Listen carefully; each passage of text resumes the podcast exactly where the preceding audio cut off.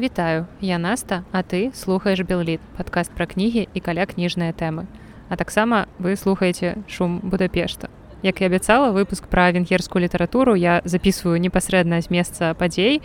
Хаця не ўсе аўтары, пра якіх я сёння буду расказваць, нарадзіліся тут у Будапешце. ёсць тыя аўтары, якія нарадзіліся ўвогуле ў іншых краінах у адным з каментарыяў мне аднойчы пісалі што вам цікава слухаць такія асобныя выпускі якія прысвечаны літаратуры адной краіны я трошки дзялілася з вами прачытаным ісландскім прачытаным чэшскай літаратурай Ну і за гэты год я паспела крыху начытаць венгерскіх аўтараў таму сёння раскажу пра іх не будзе ніякага сур'ёзнага літаратуразнаўчага агляду аналізу я не эксперт па гісторыі венгерскай літаратуры просто раскажу у якіх гістарычных перыядах можна што пачытаць наколькі яно паказальнае для венгерскай літаратуры літаратуры наогул ну і зразумела перыядычна будуць некаторыя розныя устаўкі з гісторыі венгрыі якую я таксама ведаю даволі слаба.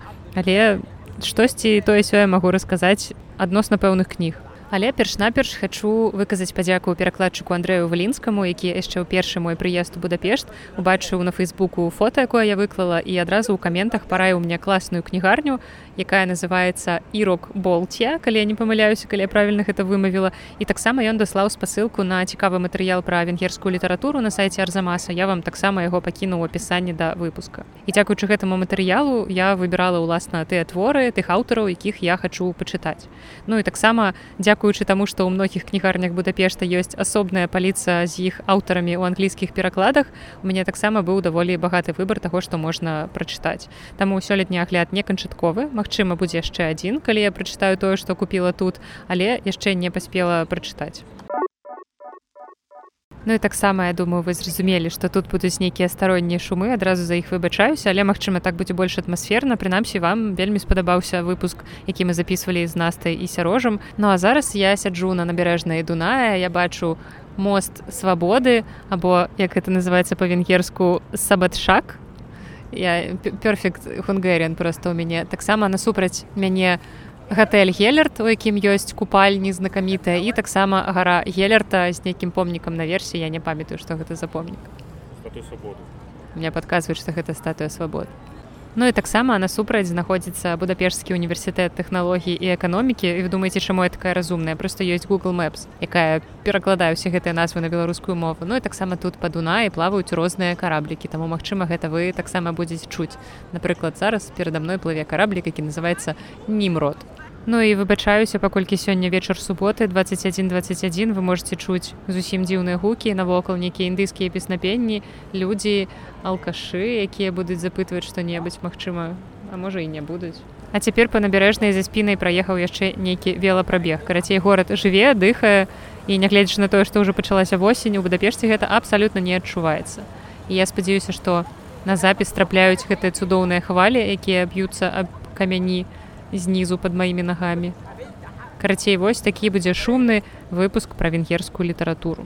Злева ад мяне па набярэжнай сядзяць нейкія арабы, якія слухаюць сваю музыку і ўсё што я разумею там гэта слова хабібі. Справа ад мяне людзі размаўляюць па-венгерску, але даволі гучна смяюцца, таму Магчыма, вы будзеце чуць усё гэта таксама. Але я спадзяюся, што гэта дадасць вам трошкі мясцовага каларыту.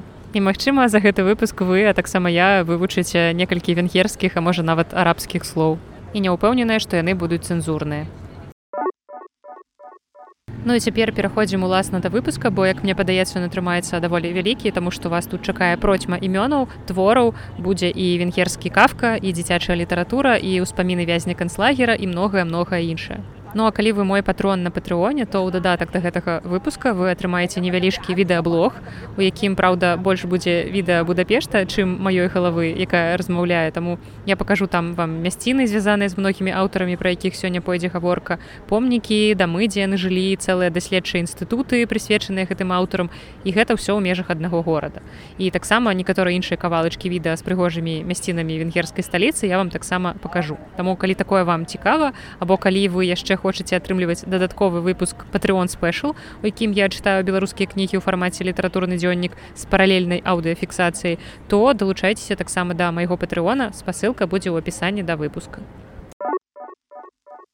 Ну і сённяшні выпуск мы пачынаем з дзіцячай літаратуры, бо гэта, як мне падаецца, першы твор венгерскай літаратуры, пра які я пачула свядома.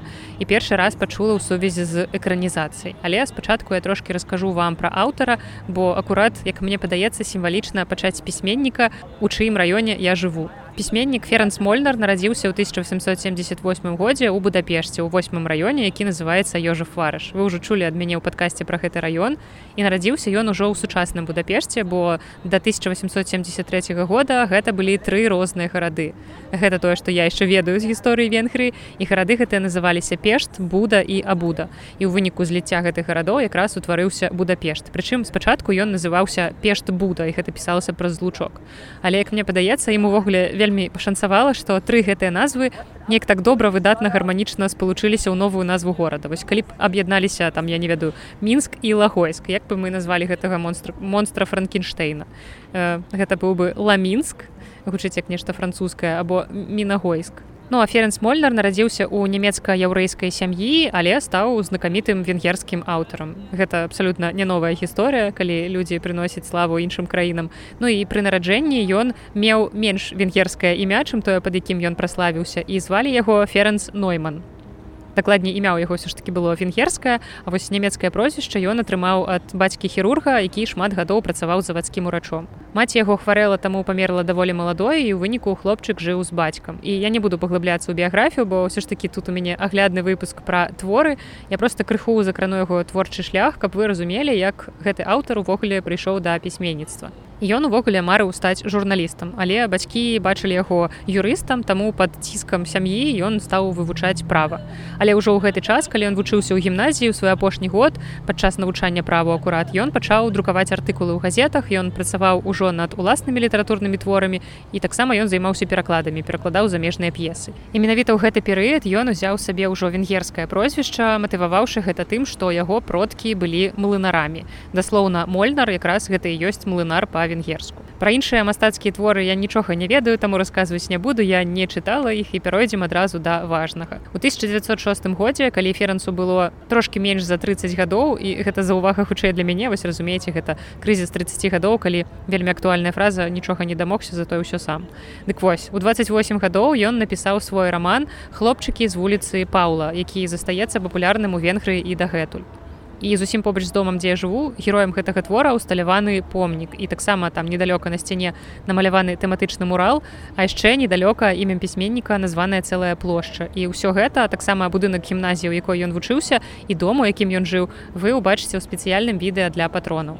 Так вот заінтрыгавала Як вы разумееце венгерскай мовай я не валодаю таму у мяне на выбар некалькі моў на якіх я магу чытаць венгерскую літаратуру. І гэты роман я чытала па-польску. Чамусьці палякі вырашылі неяк памудрыць з лакалізацыяй таму твор назвалі хлопцы з пляцу броні хаця ў арыгінале твор называется хлопчыкі з вуліцы паула і ёсць таксама рускі пераклад вы можете пачытаць мальчишки з вуліцы пала пал гэта венгерскі варыянт імя павел. Як напрыклад шандар гэта александр. І вельмі было дзіўна сустрэць на вуліцы памятную таблічку з іменем шандар пушкін але дайшло ўсё ж таки што гэта александр пушкін.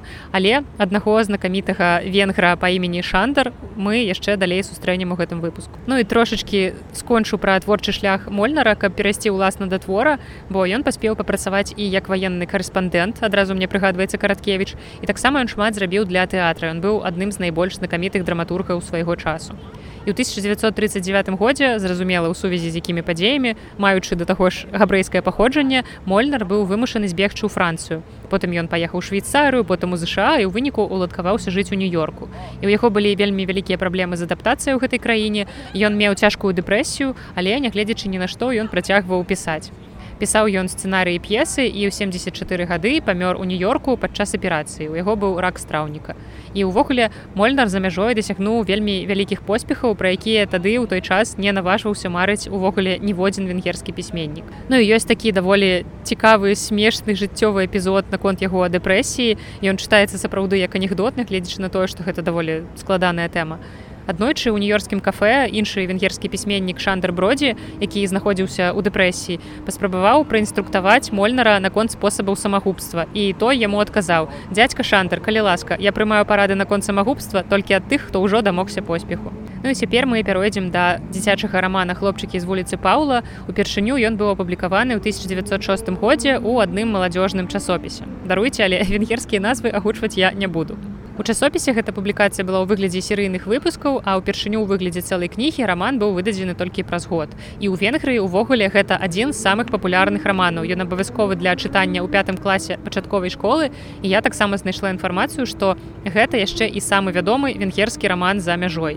Ён перакладзены на вялікую колькасць моў і ён з'яўляецца абавязковым або рэкамендуемым для чытання ў школах у многіх краінах, напрыклад, у Італіі, у Бразіліі і таксама ў Польшчы. Але як мне падаецца, твор ужо ў наш час чытаецца не так цікава. Вось прынамсі калі я яго чытала на мяне патыхнула нейкім такім вайбам цімура яго каманды падобнымі савецкімі творамі якія чамусьці дагэтуль беларускія школьнікі праходзяць у школе. Але наши школьнікі як мне падаецца іх ужо не разумеюць і не чытаюць такім задавальненнем бо гэты творы былі маральна састарэлыя яшчэ калі я вучылася ў маім дзяцінстве галоўны герой гэтага рамана хлопчыкі кожны з іх мае свой асаблівы характар. І ў венгрыі даволі часта людзі выкарыстоўваюць імёны гэтых персонажаў якасці кароткай характарыстыкі людзей.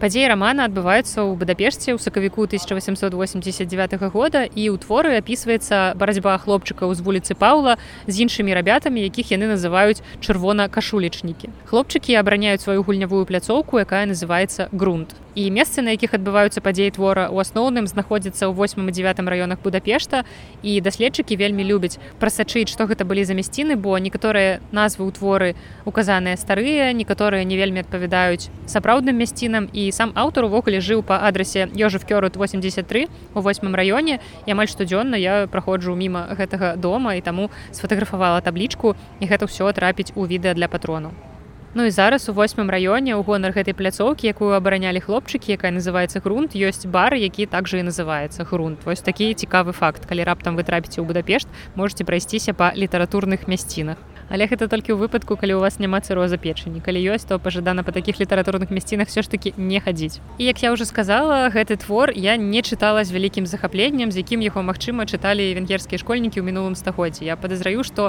для гэтых школьнікаў і цяпер гэты твор не самая захапляльная ў свеце штука большая частка кнігі адбываецца на вуліцы дзе дзве банды дзяцей ваююць за пляцоўку на якой яны могуць гуляць у мяч. І для мяне велізарны мінус гэтай кнігі заключаўся ў тым што нібыта гуляючы дзеці робяць усё максімальна сур'ёзна.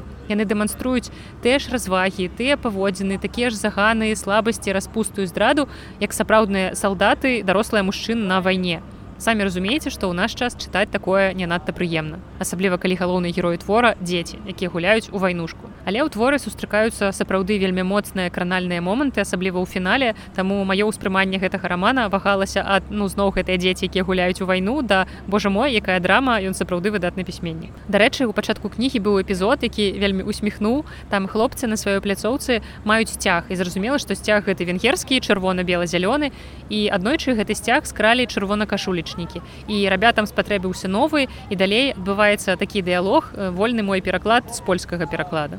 Скажи сваёй сястры звярнуўся ён да чэлі каб яна пашыла да заўтрашняга дня новы сцяг добра адказаў чэлі але ў яе няма больш зялёнага палатна. Чырвона яшчэ ёсць а зялёная ўжо скончылася бока спакойна спытаў а белая ёсць? Ёсць тады няхай шые чырвона-белы сцяг. З гэтага часу нашы колеры будуць чырвона-белымі для нас праўда гучыць вельмі сімвалічна. Ну яшчэ мой герой у гэтай кнізе якраз гэты хлопчык па імені чэлі які быў такім франтам як піша аўтар ён не хацеў цягаць сабой цэлую кнігарню як рабілі іншыя калі нармальна бралі з сабой падручнік у школу. Ён насіў з сабой толькі патрэбныя старонкі. Он разрываў кнігу даставаў патрэбныя старонкі распіхваў іх па кішэнях і так вось у лекцыі ганяў школу. По-мойму гэта просто геніяльна таму што я памятаю як мы ў свой час у старэйшых класах школы дамаўляліся з аднакласнікамі суседзямі па парце што будзем насіць толькі палову падручнікаў але была праблема ў тым што многія выкладчыкі настаўнікі не былі задаволеныя тым што на стале ляжаў усяго адзін падручнік ця я дагэтуль не разумею навошта мець два калі ў прынцыпе зручна чытаць з аднаго.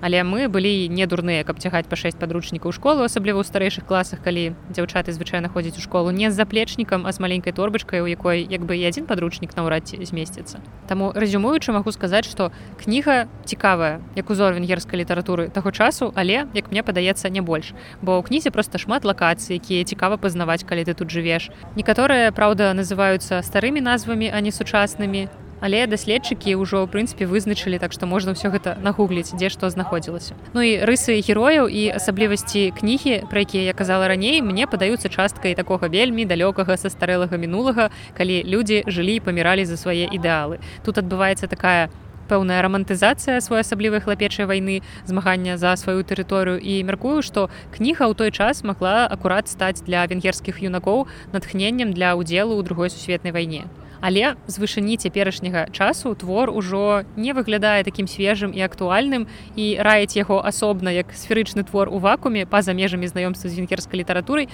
я б гэты твор не стала моя адзнака тры з паловай з 5 Таму калі вам просто цікава пазнаёміцца з самым знакамітым адным з самых знакамітых твораў венгерскай літаратуры, то пачытайце ёсць рускі пераклад, ёсць польскі пераклад, ёсць англійскі пераклад. Ну і скокаем у часе з пачатку мінулага стагоддзя у стагоддзе наша і звяртаемся да яшчэ жывога аўтара, якога завуць Адам Бодар. І калі папярэдні аўтар у нас сталічны, ён нарадзіўся ў Будапешце, то гэты аўтар нарадзіўся ўвогуле на тэрыторыі іншай краіны. Адам Бодар нарадзіўся ў горадзе кола жвару 1936 годзе. І цяпер гэта румынскі горад клуш на пока, неафіцыйная сталіца Трансільваніі.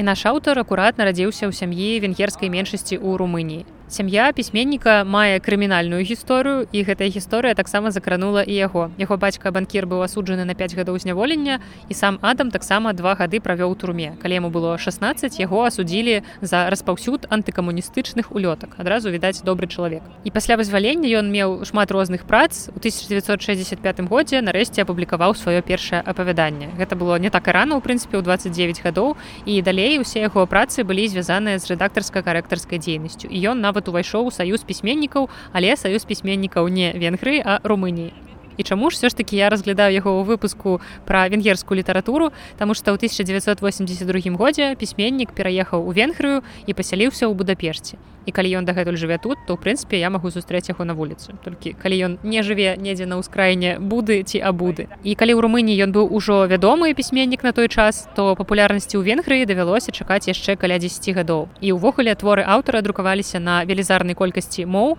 Я нават не буду іх пералічваць але по-беларуску на жаль не друкаваліся. У 1991 годзе ў венгрыі ён выйграў конкурс апавяданняў ад часопіса холмі падставіўшы там урывак са свайго твора зоны сіністра які я якраз раз і чытала толькі я чытала польскі пераклад под назвай окран сіністра і таксама ёсць рускі пераклад зона сіністра і ў арыгінале твор называется сіністра кёрзет гэта я яшчэ ў прынцыпе па-венгерску вымавіць магу. У 1992 годзе твор выйшаў асобнай кнігай і кампазіцыйна гэта навелістычны цыкл апавяданняў і гэтая кніга мела вялікі поспех за мяжой. І менавіта гэтага аўтара ў пачатку я назвала венгерскім кафкам і пераходзячы да кнігі я раскажу вам менавіта чаму ён параўноўваецца з кафкам.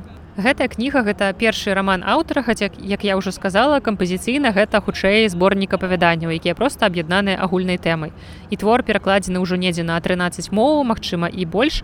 І гэта другая кніга аўтара апублікаваная пасля таго, як ён пераехаў у венгрыю трошки раскажу вам про сюжэт гэтай кнігі вы адразу адчуеце вайбы кафкі бо тут мы маем безназоўнага апавядальніка які прыбывае ў гэтай у гэтую зону сіністра вёску на румынска-украінскай мяжы дзесьці ў паўночна-ўсходніх карпатах.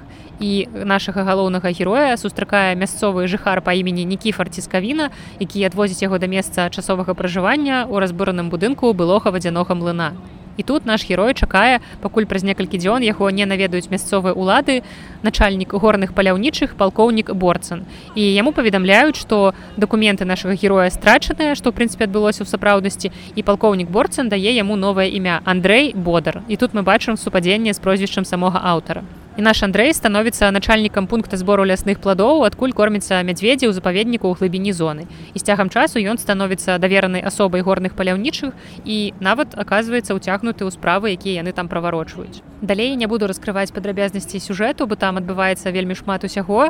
І загадкавыя смерці новае прызначэнне супрацоўнікаў і розныя сямейныя таямніцы. І аказваецца што галоўны герой увогуле прыехаў гэтую зону каб знайсці свайго прыёмнага сына і ў творы вельмі шмат каларытных персонажаў але як мне падалося ўсё роўна адзін з галоўных герояў гэтай кнігі гэта прырода бо прыроды тут шмат апісаная на яркай каларытна але гэта не такія дурацкія апісанні прыроды нібыта мы чытаем якога-нибудь прышвіна. Тут мы бачым колеры мы адчуваем пахі мы бачым ландшафты звяроў расліны ягады і гэтае месца нібыта сышло з такіх антыутапічных пазачасавых сусветаў дзе характары людзей размытыя сфабрыкаваныя і сюды вельмі цяжка патрапіць і яшчэ цяжэй пакінуць гэтае месца. І мы нібыта знаходзімся па-за часам тут няма храналогіі і ў гэтай зоне дзейнічаюць свае законы. Але увогуле ўзнікае такое адчуванне што зона жыве паводле законаў нейкай таталітарнай дзяржавы. І калі чалавек знікае то яго ніхто не шукае паколькі лічыць што ён загінуў ад загадкавай хваробы якую людзі называюць тут тунгускі насмарк і ад гэтай кнігі вельмі часта ўзнікаюць вельмі клаустрафабічныя адчуванні І калі папярэдні твор цалкам рэалістычны, то гэты зборнік вас пагрузіць у горную магію. Гэта своеасаблівы магічны рэалізм, дзе жарты ніжэй за пояс могуць суседнічаць з невераходна прыхожай прозай.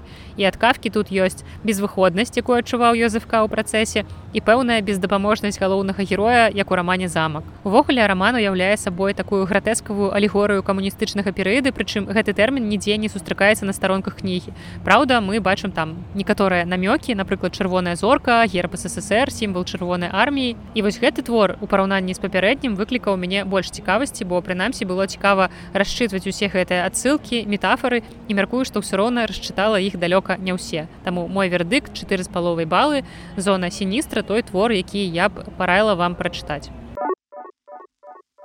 А цяпер пераходзім да аўтара дастаць кнігу якога мне каштавала неверагодных высілкаў. На шчасце абышлося без ахвярапрынашэнняў і шаманскіх танцаў з бубнам, але пабадзяцца па бібліятэцы мне давялося і забягаючы наперад скажу што гэта пакуль што мой улюбёны венгерскі пісьменнік. Гаворка пойдзе пра іштвана эркіня ўжо цалкам будапешцкага аўтара які нарадзіўся ў сталіцы ў 1912 годзе і тут жа памёр праз 67 гадоў. І пахаваны ён на могілках фаркашрэці куды я нават схадзіла я дагэтуль пакутаю ад камарыных укусу рэч у тым што у адрозненне ад больш знакамітых будапешцкіх могілак кірапешы якія размешчаны на больш адкрытай прасторы могілкі і фаркашрэці больш нагадваюць джунглі там вялікая колькасць расліннасці і выглядае гэта прыгожа але там пастаянна трэба рухацца таму што як толькі ты спыняйся камары тебе адразу зжыраюць і дарэчы такі не літаратурны офтоп але раптам сярод маіх слухачоў ёсць людзі якія разбіраюцца ў тэме.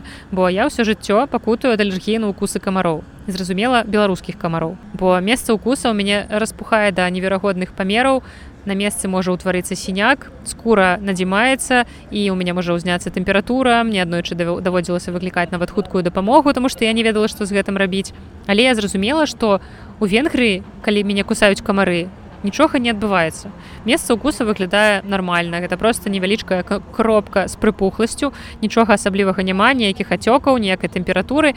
І я не разумею ці то гэта беларускія камары такія таксічна радыоактыўныя ці то венгерскія просто надта лайтовы але венгерскі як мне падаецца знешне нават памерамі меншая за наших коней. Карацей калі вы разбіраецеся то дапамажыце мне вырашыць гэтую загадку бо я сапраўды ад гэтага пакутаю вяртаемся да творчасці іштвана эркіня. Так яго прозвішча перадаецца па-руску і па-беларуску але насамрэч па-венгерску гэта гучыць неяк накшталт эркень вось гук накшталт оумляут у нямецкай нешта сярэдняе паміж о і ё і вось гэта як імя нямецкага футбаліста місута азіла якога мы перадаём праз а рускія перадаюць праз о а насамрэч ён увогуле эзіль і там яшчэ на канцы якраз мякка лю і дарэчы яшчэ адзін цікавы факт пра венгерскую мову. У іх спачатку ідзе прозвішча а потым імя. Здаецца у японскай таксама такое. Таму калі вы убачыце якую-небудзь адрасную таблічку блаха луіза тер то будзеце ведаць што гэта плошча названая ў гонар знакамітай венгерскай актрысы луізы блахі. І нават вуліцы якія названы ў гонар замежнікаў все роўна называюцца згодна з усімі правіламі венгерскай мовы. Напрыклад касцюшка тады уца гэта вуліца тадевуша касцюшкі якую акурат я знайшла вяртаючыся першу з могілак на баку буды ў першым раёне будапешта і было вельмі нечакана і прыемна Ну і у сувязі з гэтым у замежнікаў могуць адбывацца розныя камічныя сітуацыі, калі ты па інерцыі пішучы сваё імя, напрыклад, запаўняючы анкету на якую-небудзь дысконтную картку, ты пішаш сваё імя так як прывык пісаць, пішаш наста карнацкая. І потым яны пішуць табе ліст і пішуць прывітанне карнацкае, таму што думаюць, што гэта тваё імя, таму што яно стаіць на другім месцы паводле нашых правілаў. Ну і хуценька прабяжымся па біяграфіі іштвана эркіня буду ўжо называць яго так як замацавалася ў нашай традыцыі праз э і гэта прыклад пісьменніка які супаў са сваім стагоддзям ён пражыў амаль усё што выпала венгрыі ў двадцатым стагоддзе і яго біяграфія паводле аднаго з крытыкаў гэта адна вялікая аўтабіяграфія ўсіх венграў разам узятых нарадзіўся ён у будапешце ў забяспечанай габрэйскай сям'і і гэта чарговы венгерскі габрэй як і ферэнс мольнер і паводле адукацыі эркінь быў інжынерам хімікам ён пайшоў след за бацькам фармацэўтам і ўжо ў той час ён пачаў пісаць вельмі рана. Спачатку гэта былі вершы а першы зборнік апавяданняў ён выдаў канцы 30х гадоў. Падчас другой сусветнай вайны эркінь трапіў савецкі палон. Я нагадаю што падчас другой сусветнай венгрыя ваявала на баку гітлераўскай кааліцыі і чатыры гады эркень правёў у лагерах для ваеннапалонных. Спачатку ён быў у тамбове затым у краснагорску под москвой у такім пэўным элітарным лагеры. Яму там далі стол у яго была пішучая машынка. І вярнуўся з палону дадому ён толькі ў 1946 годзе але прывёз сабой ён шмат літаратурных твораў бо як вы зразумелі з пішучай машынкай у яго была магчымасць пісаць. І у тым ліку ён пісаў пра той працоўны лагер у якім знаходзіўся і пасля вызвалення з палону увогуле цалкам прысвяціў сябе пісьменніцтву. Ён працаваў драматургам у тэатры карэктарам у выдавецтве але ў 1957 годзе пасля падаўлення паўстання ў венгрыі эркінь быў уключаны ў чорны спіс цэнзуры за свае дзёрзкія выступленні на радыё і ў друку. І нагадаю што ў 1956 годзе ў венгрыі адбылося антыкамуністычнае паўстанне якое было задушанае. Але ў будапешце пра гэтае паўстанне вельмі шмат згадак у выглядзе помнікаў розных памятных таблічак на дамах. І таксама яшчэ одно знакамітае паўстанне пра якое вы пачуеце ў гэтым выпуску адбылося ў венгры ў 1848 годзе. І мы сёння пагаворым пра аўтара які прымаў у ім удзел. Ну і увогуле гэтыя два паўстанні маюць вельмі шмат перагукванняў паміж сабой бо і першае паўстанне і другое было задушанае аднымі тымі ж людзьмі. І дарэчы 15 сакавіка ў будапешце адзначаецца дзень венгерскай рэвалюцыі 1848 года. Сёлета я акурат застала гэтае свята. І дзень ушанавання венгерскай рэвалюцыі 1848 года на вуліцах было шмат асаблівых сцягоў венгрыі якія датычаць паўстання 56 -го года. Гэта сцягі з круглай дзіркай у цэнтры і даю вам некалькі секунд каб вы самі паспрабавалі здагадацца што ж было выразана з венгерскага сцяга ў цэнтры што стала такім сімвалам паўстання 56 -го года супраць савецкай улады. І правільны адказ гэта савецкія сімвалы і цяпер гэты сцяг вельмі часта можна сустрэць на розныя дзяржаўныя нацыянальныя святы менавіта просто сцяг венгрыі з круглай дзірачкай у цэнтры Ну і зноў у гэты выпуск урываецца восьмы раён будапешта. Рэч у тым што большасць падзей гэтага паўстання паўстання 1956 года адбывалася менавіта ў гэтым восьмым раёне. І дагэтуль калі я хаджу там па вуліцах я магу бачыць дамы на якіх засталіся сляды ад абстрэлаў ад танкаў і гэтак далей. І вельмі шмат дамоў было зруйнавана ў тыя часы можна ўбачыць усе старыя фотаздымкі на якіх гэта адлюстравана. І гэта раён недалёка ад корвін плазы гандлёвага цэнтра і таксама кінотэатра корвін і фактычна кінотэатр корвін быў цэнтрам паўстання тому што ён знаходзіцца ў даволі зручным месцы. Вакол яго больш высокія будынкі якія маглі яго абараняць. Такім чынам усе падзеі адбываліся менавіта там. Вось такі вам цікавы факт пра месца у якім я жыву Ну і зноў вяртаемся да іштвана эркіня. Нагадаю што ён быў забаронены пасля паўстання 1956 года і тады ён не меў магчымасці друкавацца і таму яму давялося вярнуцца і працаваць па спецыяльнасці. Ён пайшоў на завод па вырабе медыкаментаў і перавязачных сродкаў. І там ён зноў быў інжынерам хімікам і толькі ў 1963 годзе была знятая забарона на яго творчасць ён зноў мог друкавацца. І таму у друку пачалі з'яўляцца зборнікі яго апавяданняў п'есы і аповесці. І таксама яго п'есы актыўна ставілі ставілі на сцэнах іншых краін. Ну а памёр эркінь у 1979 годзе ад сардэчнай недастатковасці. Але кажуць, што нават у свае апошнія месяцы, лежачы дома хворы, ён не пераставаў займацца літаратурай.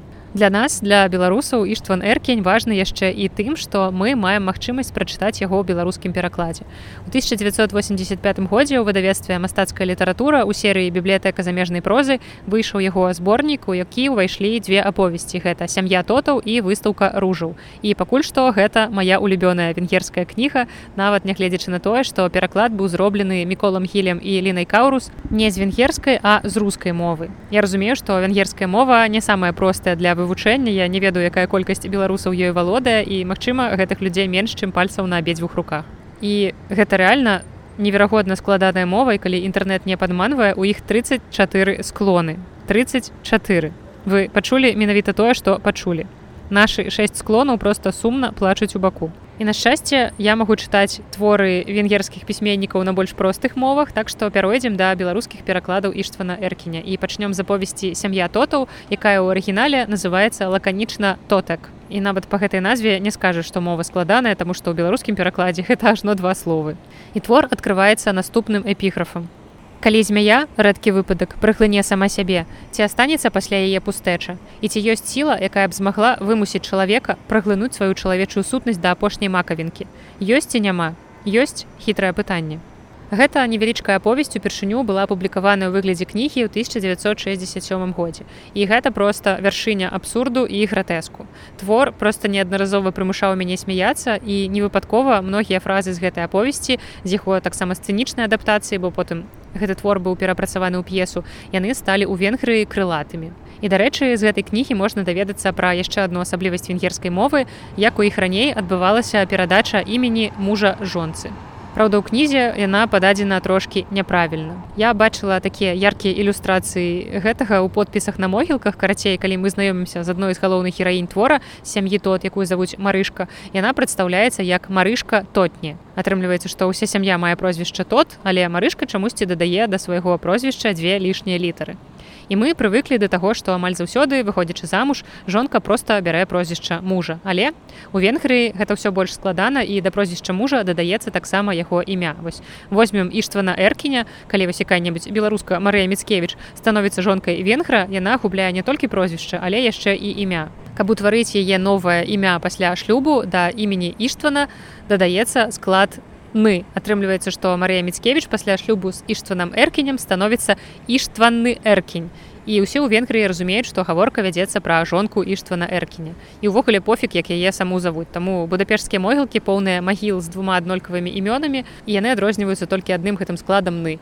ну а зараз міма мяне праплывае такі цікавы можа быть вы чуеце параходзік я не ведаю як это назваць у яго старыя старое нейкае кола якое круціцца і кажуць што гэта рэпліка такога у карабліка які калісьці вазіў людзей па балатоне. Балатон гэта такое знакамітае венгерскае возера.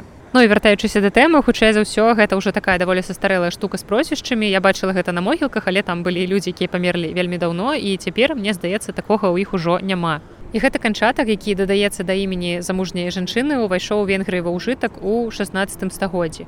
Да гэтага проста гаварылі жанчына іштвана эркіня, бо жанчына па-венгерску гэта ню і ад гэтага слова ўтварыўся гэты канчатак ны. І атрымліваецца, што ў творы марышка мусіла быць тотны, а не тот не але зноў жа твор перакладаўся з рускай мовы таму я не ведаю што там у рускай мове магчыма першапачатковая памылка ўзнікла менавіта ў іх але вернемся да сюжэту гэтага твора і нягледзячы на жахі вайны у пачатку аповеда пануе такая вельмі ідылічная абстаноўка. Ёсць сям'я тотаў якая жыве ў невялічкай вёсцы і іх сын дзюла служыць на фронте а стары тот бацька сям'і ён паважаны начальнік мясцовай пажарнай аховы. Яго жонка вельмі моцна кахае дачка лічыць што яе бацька просто амаль бог і да іх прыязджае маёр гэта камандзір іх сына. І у гэтага маёра нервы расхістаныя партызанскімі дзеяннямі таму ён просто прыязджае ў гэтай мясціны каб адпачыць ну а далей нас накрывае просто лавіна ўсё больш абсурдных сітуацый бо добрасардэчны памяркоўны тот бацька сям'і ён паступова пераходзіць на мяжу ўтрапёнасці а ў маёра наадварот ніколі ў жыцці не было такога ўдалага і ідэальнага тыдня. І ідылія ператвараецца просто ў гратэскавы кашмар ад якога немагчыма спакойна прачнуцца бо тое што адбываецца з гэтай сям'ёй на працягу двух тыдняў адначасова і жахліва і да слёз камічна а канцоўка просто я не ведала плакаць мне ці смяяцца з таго да чаго мы прыйшлі І гэта выдатна абсурдная кніга пра сям'ю, да якой прыязджае начальнік іх сына і яны змушаны прыстасоўвацца да яго настолькі і да такой ступені, што жыццё становіцца нявартым таго, каб увогуле жыць. Але яны робяць гэта ў надзеі, што яны такім чынам палепшаць умовы для свайго сына на фронте. І каб завабіць вас абсурднасцю, я ўкіну такі факт, што сям'я перастае высыпацца і аднойчы бацька тот просто сыходзіць спаць у туалет на вуліцы і астатнія туды не могуць трапіць. Ну і гэты твор поўны вельмі трапных даволі рэалістычных заўваг пра жыццё. Спрадвеку жанчыны трацяць спакой, калі мужчыны выпраўляюцца піць піва. Калі розум пакідае дарослых, іншым разам становішча ратуюць дзеці. Маўчанне нельга ні кепска зразумець, ні блага вытлумачыць. Бываюць такія хвіліны, гадзіны, гады эпохі, калі сакрэт доўгага жыцця крыецца ў маўчанні. Аднак за сатырай усімі гэтымі гумарыстычнымі момантамі выяўляецца вельмі глыбокае даследаванне аўтарытарных і таталітарных ідэалогій, а таксама ўлады ў цэлым, якое ператварае твор у вельмі сур'ёзнае эсэ пра грамадства і чалавечую прыроду два стагоддзя. Ну яшчэ дзякуючы гэтаму твору у выпуску раптоўна з'яўляецца рубрыка Беларусь у літаратуры. Гэты вопіс рэчаў, якія з'яўляліся ўласнасцю прапаршчыка дзюлы тота, прадметы казённай маёмасці ў вопус не ўваходзіць. складзены ў гомельскім палявым шпіталі ў прысутнасці сведак. Вось так нечакана ў адным знакамітым венгерскім творы засвяціўся наш гомель. Ну і мой вердыкт гэтаму твору чатыры з паловай з 5 я яго вельмі раю і таксама раю вам наступны яго твор гэта выстаўка ружу у гэтым творы перакананы ў сапраўды гуманістычным і асветніцкім прызванні свайго праекту малады таленавіты рэжысёр вырашае прапанаваць рэвалюцыйны дакументальны фільм мэта рэжысёра паказаць смерць ва ўсёй яе праўдзівасці зняўшы на відэа гэты найвышэйшы чалавечы досвед. І ў выніку трое кандыдатаў узгаджаюцца памерці на камеру не ў сэнсе скончыць жыццё самагубствам нічога такога страшнага жахлівага там не адбываецца просто яны даюць рэжысёру магчымасць правесці з імі апошнія дні бо гэтыя людзі маюць нейкія невылечныя хваробы і дакладна ведаюць што хутка мусіць памерці. І эркінь як просто выдатны майстар абсурду высмейвае чалавечую дробязнасць у гэтым смешным фарсе адначасова смешным адначасова жудасным і гэты твор быў надрукаваны ў 1977 годзе. І гэты твор гэта не проста прысвячэнне смерці гэта прысвячэнне абставінам жыцця чалавека чалавека чалавека які памірае і гэта ўключае членаў яго сям'і сяброў калег кожнага чалавека прадмет які таксама ўсе маюць да гэтага дачынення вымушаныя гэта назіраць. І нямногія пісьменнікі здольныя сціснуць такую колькасць істотных пытанняў і праблем усю памер такой невялічкай аповесці і перадаць гэта ўсё такім бліскучым спосабам. Гэта просто кароткі твор вельмі кароткі нясе ў сабе такую масу пытанняў мастацтва нейкай экзістэнцыйнай тэорыі. Гэта ўсё прасякнута своеасаблівым абсурдам і гратэскам якія ўласцівыя аўтару якія прасочваюцца і ў першым і ў другім яго творы але ўсё ж найбольшую славу пісьменніку прынесла не проза а драматургія. Вось уласна повесць сям'я тотаў як я ўжо казала яна пазней была перапрацавана ў драму і паспяхова ставілася на сцэне прычым не толькі ў венгрыі. Таму магчыма калі-небудзь я дабяруся да п'ес эркіня і творы яго дагэтуль ставіцца ў розных краінах а ў будапешце ў ягоны гонар нават названы тэатр на плошчы мадах. І гэта таксама змогуць убачыць мае патроны ў спецыяльным відэа. Таму іштван эркінь дакладна трапляю спіс венгерскіх аўтараў з творчасцю якіх я буду знаёміцца і далей. Ну а цяпер у гэтым выпуску з'яўляецца, мабыць, найбольшая зорка венгерскай літаратуры, паколькі гэта адзіны венгерскі нобелеўскі лаўрэат у галіне літаратуры і завуць яго імрэ кертас. І гэтага аўтара мы таксама можам чытаць у беларускім перакладзе, дзякуючы перакладчыцы святлане рогач і выдавецтву галіяфу, якім кніга выйшла ў 2012 годзе. І ў кнізе тут ужо рэальна пазначана, што пераклад сапраўды рабіўся з венгерскай мовы. будзем верыць і спадзявацца.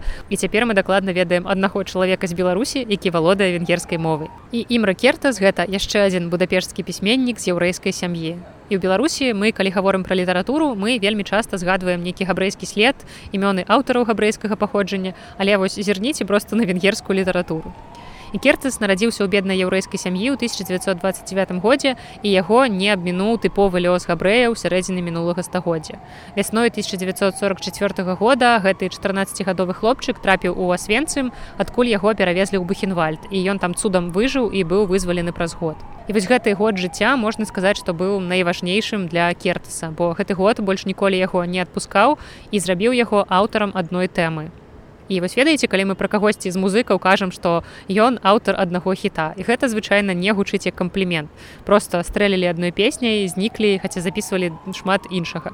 Але ў выпадку з кертасам аўтар адной тэмы гэта не гучыць як абраза тому што гэтая тэма настолькі балючая настолькі ёмістая і закранае на вельмі балючыя пытанні нават нашай сучаснай гісторыі што мне падаецца што нікому не прыйдзе да галавы абвінавачваць ім рэкертаса ў такой вузкасці пісьменніцкага кругагляду. І вярнуўшыся да нармальнага жыцця пасля лагера ён скончыў школу ў будапешце але вышэйшую адукацыю ён так і не атрымаў. Ён пачаў працаваць ён быў журналістам у газеце адкуль яго звольнілі калі да ўлады прыйшлі камуністы. Зноў гэтыя камуністы яны сапраўды даволі шмат зрабілі супраць венгерскай літаратуры Таму кертас быў вымушаны пайсці працаваць звычайным фабрычным рабочым але паступова ён звярнуўся да пісьменніцкай дзейнасці і далей ён зарабляў на жыццё перакладамі. І толькі з канца 80-х ён атрымаў вядомасць уласна як пісьменнік. Ён актыўна пачаў друкавацца выдавацца на розных мовах і нарэшце 10 кастрычніка 2002 года ім рэкертас атрымаў нобелеўскую прэмію па літаратуры за творчасць у якой крохкасць асобы супрацьпастаўлена варварскаму дэспатызму гісторыі. Вось гэтыя заўсёды вельмі прыгожыя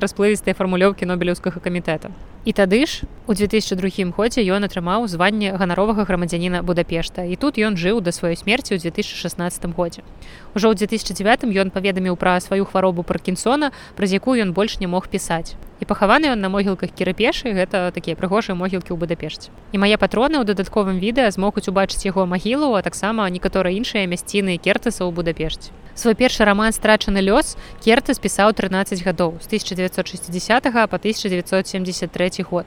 І гэты твор не вельмі аб'ёмны але як вы бачыце даволі шмат працы аўтар прарабіў і кніга была апублікаваная толькі ў 1975 годзе пасля некалькіх гадоў чакання пасля мноства адмоваў і ў арыгінале гэтая кніга называется шорш таланшах гэта набор літр выглядае больш страшна чым вымаўляецца і спачатку твор стаў папулярны за мяжой а на радзіме ён стаў папулярны толькі пасля змену рэжыму але галоўным чынам усё ж такі толькі пасля атрымання нобелеўскай прэміі па літаратуры галоўны герой рамана гэта 15гадовы хлопчык дзюры які пасталеў жудаснымі перажываннямі нацысцкага лагера смерці і таму ён не здольны вярнуцца да ранейшага жыцця і нягледзячы на тое што гэты твор не зусім аўтабіяграфічны гэты аб'ектыўны амаль дакументальны стыль рамана дазволіў па-новаму літаратурна падысці да тэмы халакоста. Першапачаткова раман называўся мусульманін што даволі нечакана з-пад захалоўкам раман пра няшчасце але мусульманин гэта такая тэрміналогія бо рэч у тым што зняволеных якія былі настолькі фізічна маральна аслабленыя што ў іх не было сіл трымацца за жыццё у лагеры на лагерным жаргоне называлі мусульманамі. Не ведаю адкуль узялась такая лексіка але вось такі факт. У гэтым творы бацьку хлопчыка забіраюць на працоўную павіннасць і з гэтага пачынаецца сюжэт. Хлопчык працягвае жыць з мачахай і з'язджае ў чэпель працаваць на ваенным заводзе. Аднак аднойчы паліцыянт выводзіць яго з аўтобуса і адпраўляе разам з таварышамі на цагельню габрэі закрытыя ў гета неўзабаве будуць адпраўленыя ў германію загнаныя ў фургон які ў выніку апынецца ў асвенцамі і пасля гэтага іх пераправіць у бухенвальд. Гэта вот усё як у жыцці самога аўтара. Хаця як я ўжо сказала твор не пазіцыянуецца як аўтабіяграфічны тут апавядальнік мае іншае імя і біяграфія яго адрозніваецца ад біяграфіі самога аўтара. У лагеры героі кнігі працуюць самай раніцы да позняй ночы на ваенным заводзе. І праз вельмі цяжкую працу і няправільнае харчаванне арганізм галоўнага героя паступова слабее і тады яго пераводзіць у меншы лагер ён там вельмі сур'ёзна хворы. Таму яго вяртаюць зноў бухенвальд, дзе змяшчаюць у турэмны шпіталь. І чакаючы смерці, пакуль ён начуньвае хлопчык атрымлівае вестку пра вызваленне канцлагера. І тады ён адпраўляецца дадому ў пешт, дзе за ўвесь час, все змянілася? Яго бацька памёр мачыха зноў выйшла замуж у кватэру увогуле пераехала іншая сям'я і таму галоўны герой не можа вярнуцца ў сваё ранейшае жыццё і спрабуе пачаць новае жыццё як асоба без грамадзянства. Я ўсё разумею гэта такія часы я вам тут яшчэ падкідваю творы пра вайну пра халакост. Канешне не самыя цікавыя вясёлыя тэмы Але папярэднія творы пра вайну былі вельмі смешныя і абсурдныя. А вось гэты твор пра халакост ён з вялікай колькасцю надзеі. Яна прасочваецца і ў дыалогах персанажаў якія знаходзяцца ў канцлагеры і ў думках галоўнага героя. Вось напрыклад такім чынам вязні жартуюць наконт нашывак з літарамі якія маюць на грудях сваёй лагернай формы для таго каб адрозніць якой яны краіны якой яны нацыянальнасці Потым раптам ягоны твар прасвятлеў і ён спытаў: ці ведаеце вы, што тут у гэты момант няўдачнік паказаў на свае грудзі, азначае літара у. Я адказаў яму: як жа не ведаю, унгар, то бок вугорац, нічога падобнага забярэчу той, уншульдзік, што значыць нявінны. Ну а такімі словамі заканчваецца гэты твор. Бо нават там, ля комінаў у перапынках паміж пакутамі таксама было штосьці падобнае да шчасця. Усе пытаюцца толькі пра цяжкасці, пра жахі, хоць мне відаць, найлепш запомніцца іншыя перажыванні. Так, калі толькі надарыцца выпадак, калі мяне зноў спытаюць, я павінен буду расказаць ім пра шчасце канцэнтрацыйных лагераў, калі спытаюць і калі я сам не забудуся. Хаця як і кожны твор на гэтую тэму пачынаецца ўсё даволі страшна і першыя некалькі хлаў заўсёды ў падобнай літаратуры чытаюцца як саспенс трылеру, якім чытач ведае пра жахі наперадзе нашмат больш, чым герой апавядальнік. Кніга кертыса для мяне вельмі моцна перагуквалася з творчасцю Віктора Франкла, бо абодва яны прайшлі праз канцлагер і творча гэта перапрацоўвалі толькі Віктор Франкл стаў псіхолагам псіхатэрапеў дакладнёны ужо і быў а другі аўтар перапрацоўваў гэта як пісьменнік але галоўнае што яднае гэтых аўтараў гэта надзея якой поўняцца іх творы. Я буду працягваць сваё жыццё непрыдатнае каб яго працягваць. Твор кертыса атрымлівае мае суб'ектыўныя 4 з 5 і адназначна я буду чытаць яго далей. Здаецца беларускіх перакладаў больш няма але ў кнігарнях я бачыла шмат яго кніжак на англійскай мове і для вас прайшло літаральна некалькі секунд для мяне прайшоў дзень і я працягваю падкаст пра венгерскую літаратуру знаходзячыся ўжо трошкі вышэй па дунаі зусім побач з будынкам венгерскага парламента які па-венгерску называется орсак хас расшыфроўваецца гэта венгерскае слово вельмі проста. Орсак гэта краіна хас гэта дом. Дом краіны калі казаць даслоўна так называется будынак венгерскага парламента. Ну і дарэчы калі вы ведаеце як называюцца некаторыя краіны па-венгерску многія з іх якраз маюць заканчэнне вось гэтае слово орсак напрыклад сама венгрыя гэта мадзяр орсак Беларусь гэта фехер орас орсак і гэтак далей. Але пра гэта мы яшчэ трошки пазней паговорым працягваем нашу размову пра венгерскую літаратуру і ў пошуках помніка і памятныя таблічкі наступнаму аўтару давялося трошки паблукаць па будзе і яго кнігу ў англійскім перакладзе я купила тут у жніўні адразу ж яе прачытала я выйшла з улюбёнай кнігарні букселлерс дайшла да плошчы ржбет села на траву каля кола агляду і адразу пачала чытаць. І апрытомніла я толькі старонак праз 90 калі зразумела што ўжо трэба вяртацца дадому хочацца есці А насамрэч на гэтых 90 старонках кнігі адзін стары просто чакаў прыезду ў госці другога старога і згадваў сваё дзяцінства. Гучыць канешне не вельмі дынамічна але чамусьці гэты твор мяне моцна захапіў. І тут трошки ўжо навяла інтрыгі але ўсё яшчэ не сказала як завуць аўтара. Яго завуць шантар мараі. І зноў у нас аўтар які нарадзіўся не на тэрыторыі сучаснай венгрыі Ён нарадзіўся ў 1900 годзе ў горадзе каша. Тады гэта была аўстра-венгрыя, а цяпер гэта я думаю многім знаёмы славацкі горад кошыцы. Гэта другі паводле велічыні горад славакі. Бацька шандара быў выхадцам з саксоніі, а маці яго была венгеркай. І дарэчы, яго поўнае імя гучыць, канешне, унушальна шандар, карой, хенрык, гросшміт дэмараю бацькі вельмі клапаціліся пра адукацыю хлопчыка таму ў дзяцінстве яго быў персанальны рэпетытар ну а потым яго аддалі ў каталіцкую сярэднюю школу будапешта. І там ён доўга не прытрымаўся ён увогуле не вельмі любіў вучыцца ён паспеў змяніць вялікую колькасць школ ён то збягаў з іх то яшчэ штосьці. Але ўжо ў той час ён пачаў пісаць і дасылаў свае творы ў газеты. Але сям'я гэтыя пісьменніцкія амбіцыі хлопчыка зусім не падтрымлівала. І ў адным з лістоў да сябра ў 1917 годзе ён пісаў У мяне няма нікога, нікога, каму я мог бы напісаць, каго я не ненавіджу ці да каго я неабыякавы. Я зусім самотны. Я ведаю, што я геній. У 1918 годзе ён вярнуўся ў Будапешт і там паступіў вучыцца на юрфак, але доўга там не пратрымаўся і перавёўся на гуманітарны факультэт. Все ж такі нейкі пісьменніцкія спецыяльнасці былі яму бліжэй. І ў гэтым жа годзе быў нарэшце надрукаваны першы зборнік яго вершаў, які адразу стаў даволі паспяховым.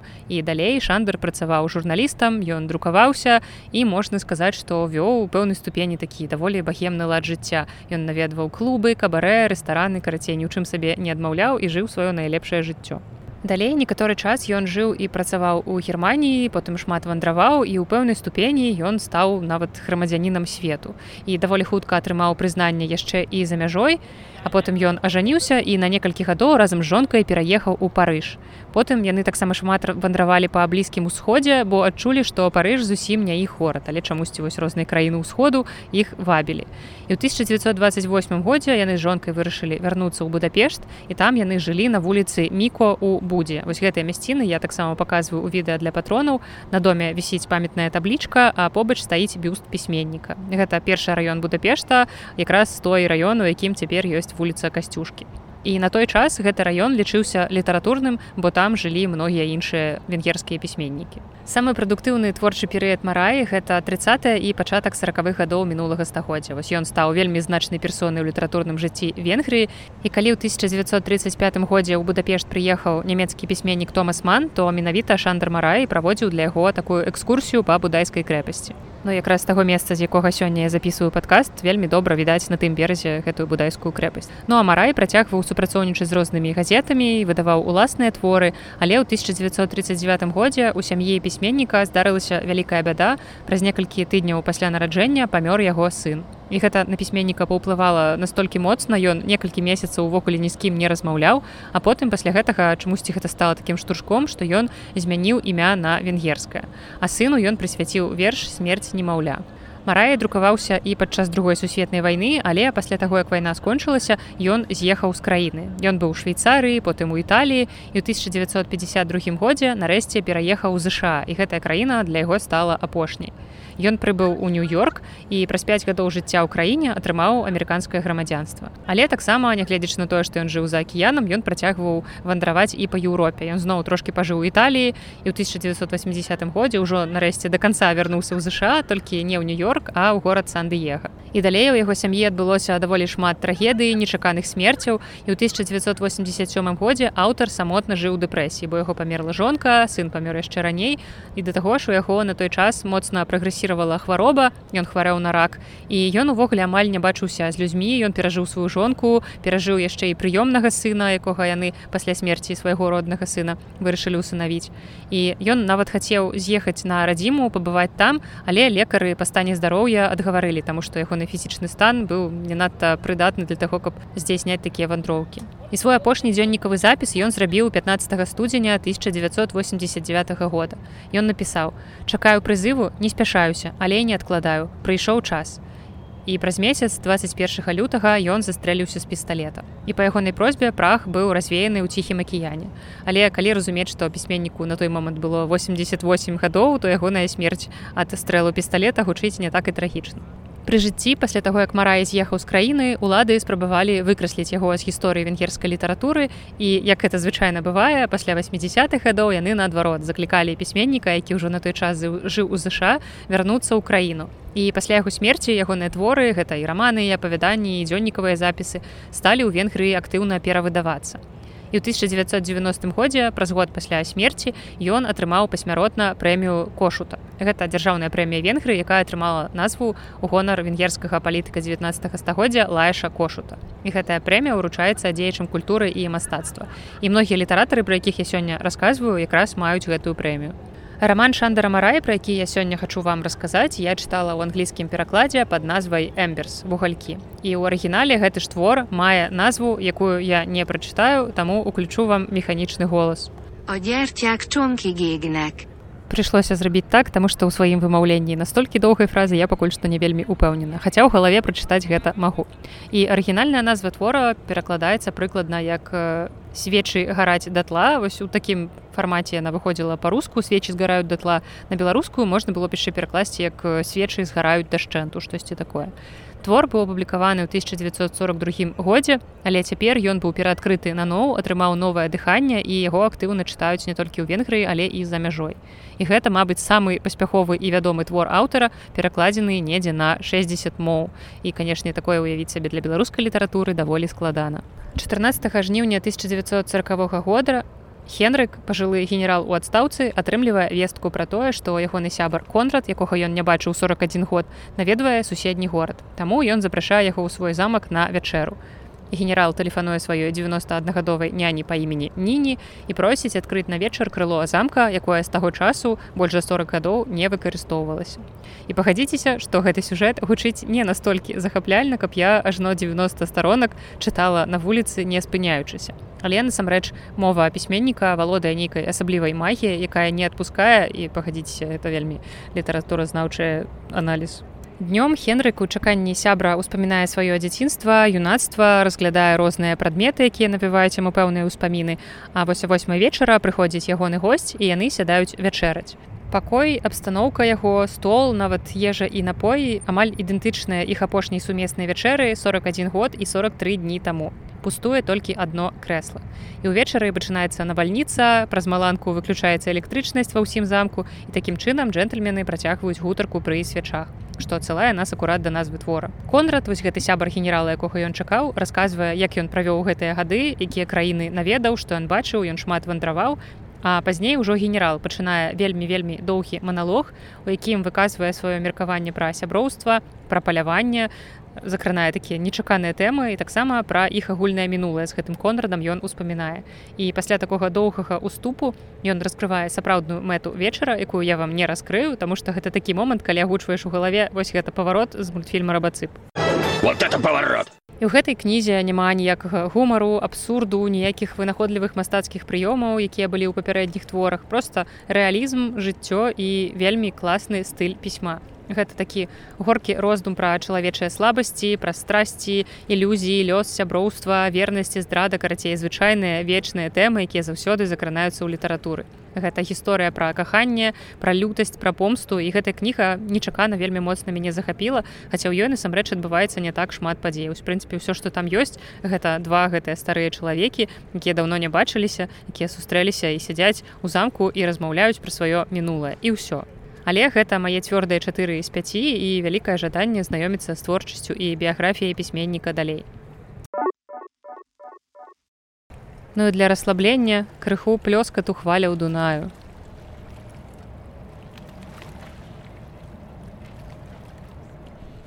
Ну а цяпер мы працягваем.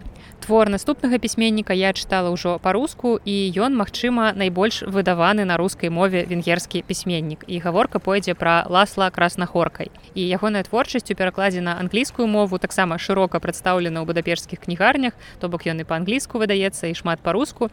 Праўда, прачытаўшы яго раман па-руску, я зразумела, што англійскі варыянт пакуль што не пацягну. І гэты пісьменнік таксама даволі тытулаваны, канешне, не настолькі як ім ракертас, вядома ж, але ён мае пэўную ўзнагароду, гэта міжнародная букераўская прэмія.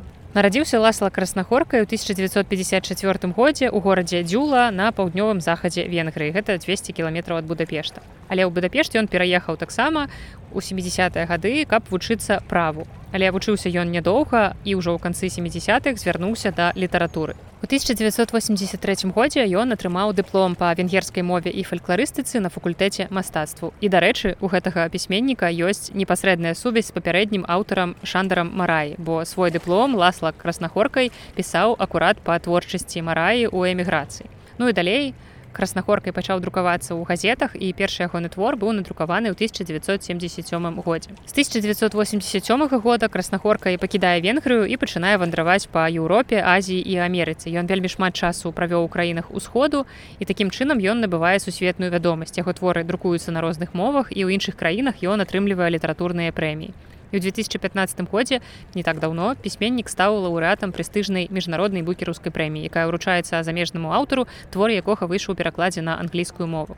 І гэта ў прынцыпе прэмія як нобелеўская трошки менш значная яна ўручаецца не за нейкі канкрэтны твор яна ўручаецца за сукупнасць творчасці Хаця звычайна мы ведаем што у пісьменніка ёсць нейкі канкрэтны твор які паспрыяў таму што на аўтара звярнулі ўвагу што ён атрымаў гэтую прэмію і ў выпадку з краснахоркай гэта можа быць якраз яго самы вядомы раман сатанінская танга якой акурат у мяне ў планах Але ў першую чаргу я не чытала яго самы знакаміты твор, я вырашыла пачаць з іншага. І ў 1989 годзе акурат падчас вандровак краснахоркай выдаў раман, пра які мы сёння і пагаворам. І ў арыгінале ён называецца так. Az ellenállás melankóliája. Гэта раман я чытала ў рускім перакладзе пад назвай меланхолія сапраціўлення. У ней вялікае мястэчка на вялікай раўніне прыязджае вандроўны цырк. І дзве яго галоўныя славутасці гэта гіганцкі кіт і маленькі прынц. І людзі трымцяць перад кітом, яны яго баяцца і ў цырк таксама прыходзяць розныя незнаёмцы якія хочуць паслухаць гэтага маленькага прынца. І сваімі прамовамі прынц падбухторвае буйны натоўп які пачынае нястрымнае разбурэнне ўсяго навокал і паўстае.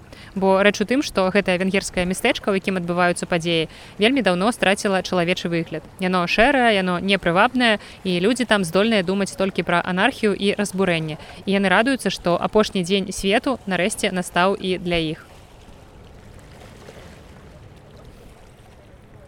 кіраўнікі горада ў гэтай сітуацыі абсалютна бездапаможныя. Яны просяць дапамогі ў войска і адбываецца такі сімвалічны і фактычны пераварот падчас якога разбываецца стары парадак і разгортваецца новая дыктатарская сістэма. Кніга малюе змрочную карціну нашай чалавечай сучаснасці і будучыні у якіх больш няма месца ідэалізму. І рэзкая грань паміж забойцамі ахвярамі часта размытая. Роман меланхолія супраціўлення гэта гісторыя канца свету і ў некаторым сэнсе прызнанне таго што свет будзе існаваць нават пасля таго як сэнс яго існавання будзе зруйнаваны.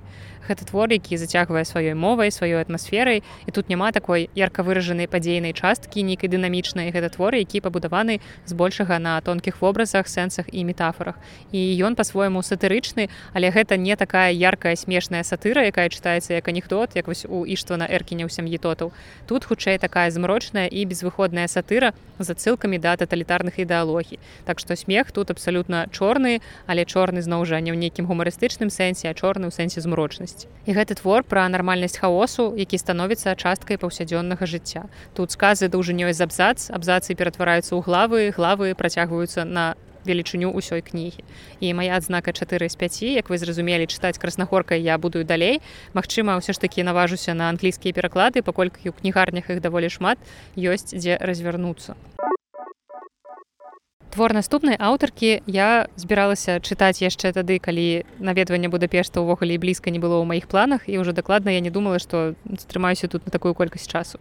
І да таго ж я ўвогуле нават не ведала што гэта аўтарка венгерка не звярнула на гэта ўвагу бо адну з яе кніг мне параілі на сайце лайфліп у навагоднім флешмобе і толькі ўзяўшы ў руки ў бібліятэцы папяровы асобнік яе кнігі я прачытала што пісьменніца магда саба нарадзілася ў дэбрыцэне венгерскім горадзе у якім таксама нарадзіўся і беларускі паэт гэты выдавец зміцер вішнёў вось такое нечаканае перагукванне венгерскай літаратуры з беларускай бо асабліва больш ніякіх перагукванняў я на жаль тут не знайшла. Магда саба нарадзілася ў 1917 годзе у дэбрыцыне і там жа яна скончыла школу і ў 1940 годзе ў дэбрыцынскім універсітэце атрымала ступень доктара гуманітарных навук і дыплом выкладчыка лацінскай і венгерскай мовы. І пасля заканчэння навучання яна працавала выкладчыцай а ў 1945 годзе трапіла на працу ў міністэрства рэлігіі і народнай адукацыі. Там яна адпрацавала працавала ўсяго чатыры гады а потым яе звольнілі як ворага камуністычнай партыі вельмі добрая у нас сёння подборка аўтараў ужо не пра першага чалавека мы такое чуем Але ў сувязі з гэтым друг твораў саба быў забаронены да 1958 года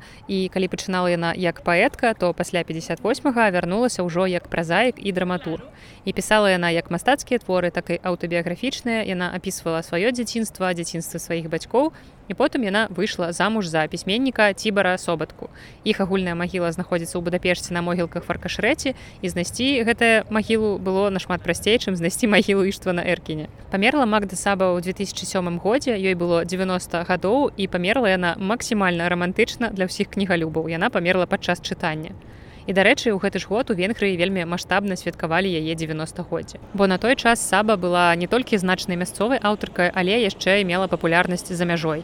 І яе творы перакладаліся на розныя мовы вось асабліва роман дзверы які ў арыгінале выйшаў у 1987 годзе под назвай ас айто 1995 годзе выйшаў першы англійскі пераклад the door ніякай сувязі з гуртом Джимі моррисона а ў 2005 годзе роман быў перакладзены на англійскую мову яшчэ раз. І вось гэты другі пераклад я купила вясною будапешце пачала чытаць тут але скончыла ўжо ў беларусі і гэта было даволі няпростае чытанне так што на жаль у сваім асабістым рэйтынгу венгерскай літаратуры пакуль што я стаўлю твор магды саба на апошняе месца і мяркую што далей знаёміцца з яе творчасцю мне не хочацца. Я зразумела што гэта трошкі не мой стыль і не вельмі цікавыя для мяне сюжэты. Дзверы гэта часткова аўтабіяграфічны роман у якім расказваецца пра развіццё адносін паміж маладой венгерскай пісьменніцай і яе памочніцай па гаспадарцы. Пісьменніца магда хоча цалкам прысвяціць сябе пісьменніцтву таму ёй патрэбная памочніца якая будзе глядзець за парадкам у доме. І ёй раіць немаладую жанчыну якую завуць эмерэнс але памочніца пагаджаецца на працу ў такой сваёй своеасаблівай манеры і далейшыя адносіны паміж ёй і раз, разварочваюцца вельмі незвычайна.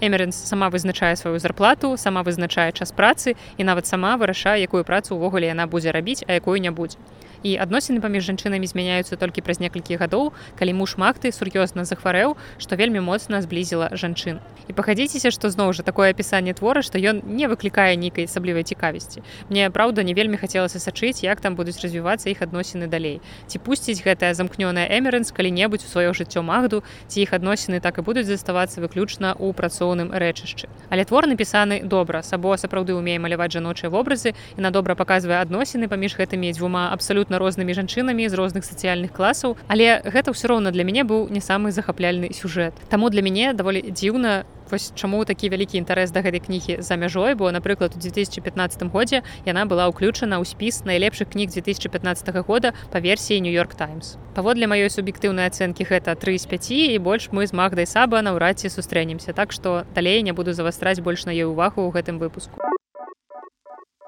яшчэ пра аднаго венгерскага пісьменніка ад мяне вы ўжо чулі. У 89 выпуску я рассказывала пра апошнія прачытаныя дэтэктывы у тым ліку пра кнігу вілмаша кондара будапешскі нуар якая была для мяне такім невялікім расчараваннем і калі вам цікава паслухаць пра венгерскія дэтэктывы то пераходзьце якраз у той выпуск. А я працягваю першай кнігай у жанры нон-фікшн у гэтым выпуск. І мабыць маёй першай увогуле у маім жыцці прачытанай венгерскай аўтаркай.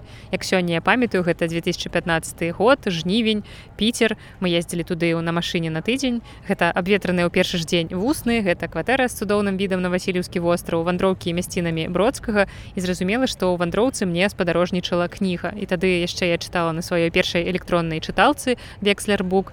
І вось акурат кнігу наступнай аўтаркі я прачытала ў гэтай вандроўцы А завуць аўтарку ката ломб і тады ў 2015 паводле імені я была ўпэўненая што яна грузінка. Але не ката ломб нарадзіўся ў 1909 годзе ў венгерскім горадзе печ. І вынікам яе першай адукацыі стала доктарская ступень па фізіцы і хіміі. Гэта гучыць вельмі нечакана але пазней ужо кату звярнула сваю ўвагу на мовы. Яна свабодна гаварыла і чытала і пісала на венгерскай рускай англійскай французскай і нямецкай мовах. Таксама магла гаварыць і разумела італьянскую іспанскую японскую кітайскую і польскую мову і са слоўнікам чытала на балхарскай дацкай румынскай славацкай украінскай і латыні. І я нават не ўпэўненая што гэта быў поўны спіс тых моваў якімі яна валодала Але паводле слоў самой ката зарабляла грошы агулам яна на 16 мовах. І ўсе гэтыя мовы яна вывучыла сама, не атрымліваючы дадатковай адукацыі. І ў якасці перакладчыка яна наведала ўсе 5 кантынентаў 40 краін свету і расказвала пра свае ўражанні і прыгоды падчас падарожжаў у асобнай кнізе, якое называлася перакладчык вакол свету. Вось гэту кнігу таксама хачу прачытаць і неаднаразова ката наведвала таксама ссср.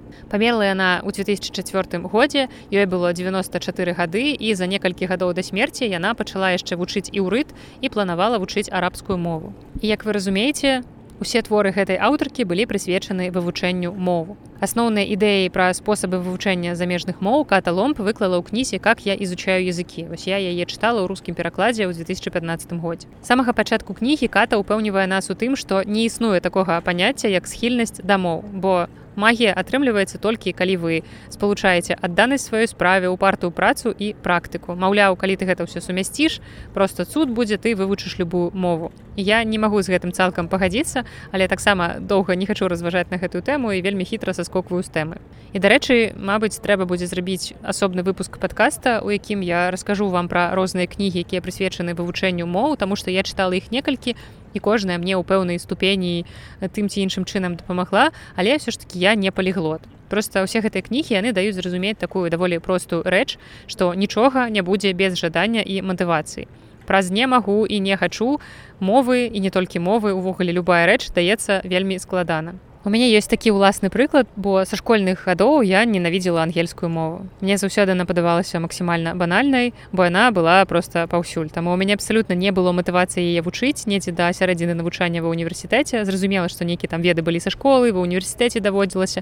Але пакуль я не зразумела, што большасць тых кніг, якія я чытаю, напісаны ў арыгінале па-ангельску, для мяне не даходзіла, што ангельская мова мне патрэбная, і сапраўды варта было б штосьці з гэтым рабіць і ў той момант у мяне нібыта адбыўся ў свядомасці нейкі такі пераварот калі я зразумела што праз нейкае глупства праз нейкі юнацкі максімалізм ці ці што гэта як это яшчэ назваць я себе свядома абмяжоўвала. І я пачала не вучыць англійскую мову я пачала атрымліваць ад яе асалоду.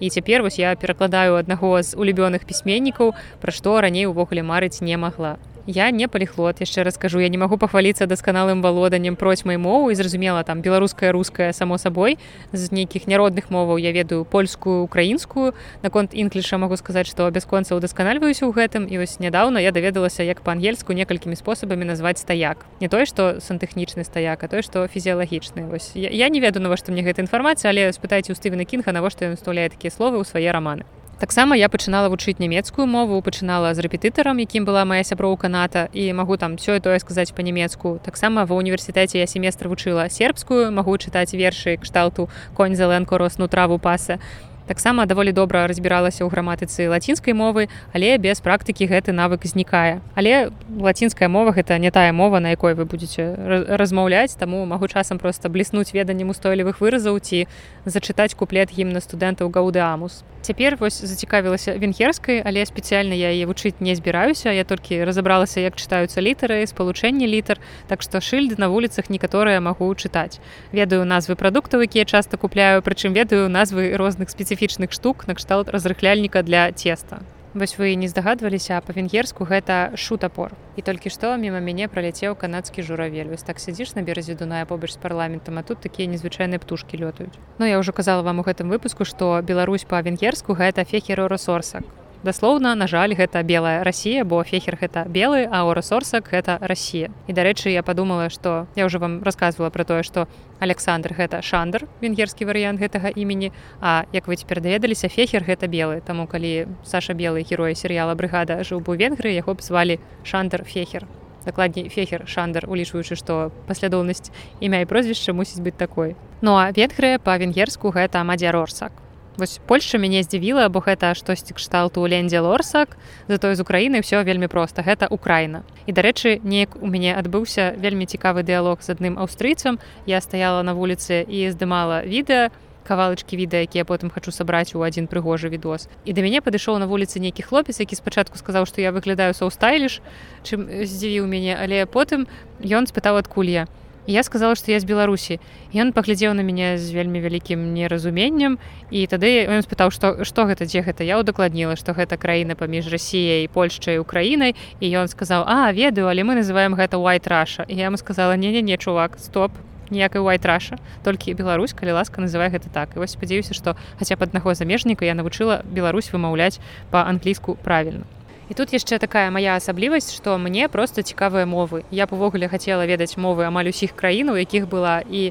я не магу сказаць ці лёгка мне даюцца мовы ці не гэта нейкія здольнасці талент ці што яшчэ але як вы памятаеце сама ката ломб не верыць у гэта што ёсць нейкія таленты і здольнасці дамоў але у мяне дакладна ёсць цікавасць і матывацыя таму атрымліваецца вучыць мовы. У прынцыпе я б не сказала што яны мне цяжка даюцца Ну і пачала пра венгерскую перакладчыцу паліглотку скончыла сабой просто класічна але як вы зразумелі кнігу как я изучаю языкі я вам раю а сама таксама пагляджу што яшчэ ў гэтай аўтаркі можна прачытаць. 8 гадоў таму чаму я паставіла кнізе адзнаку 4 з 5 так што цікава было перачытаць паглядзець чаму я паставіла не максімальны бал хаця ўражанне ад кнігі наколькі я памятаю у мяне былі даволі добрыя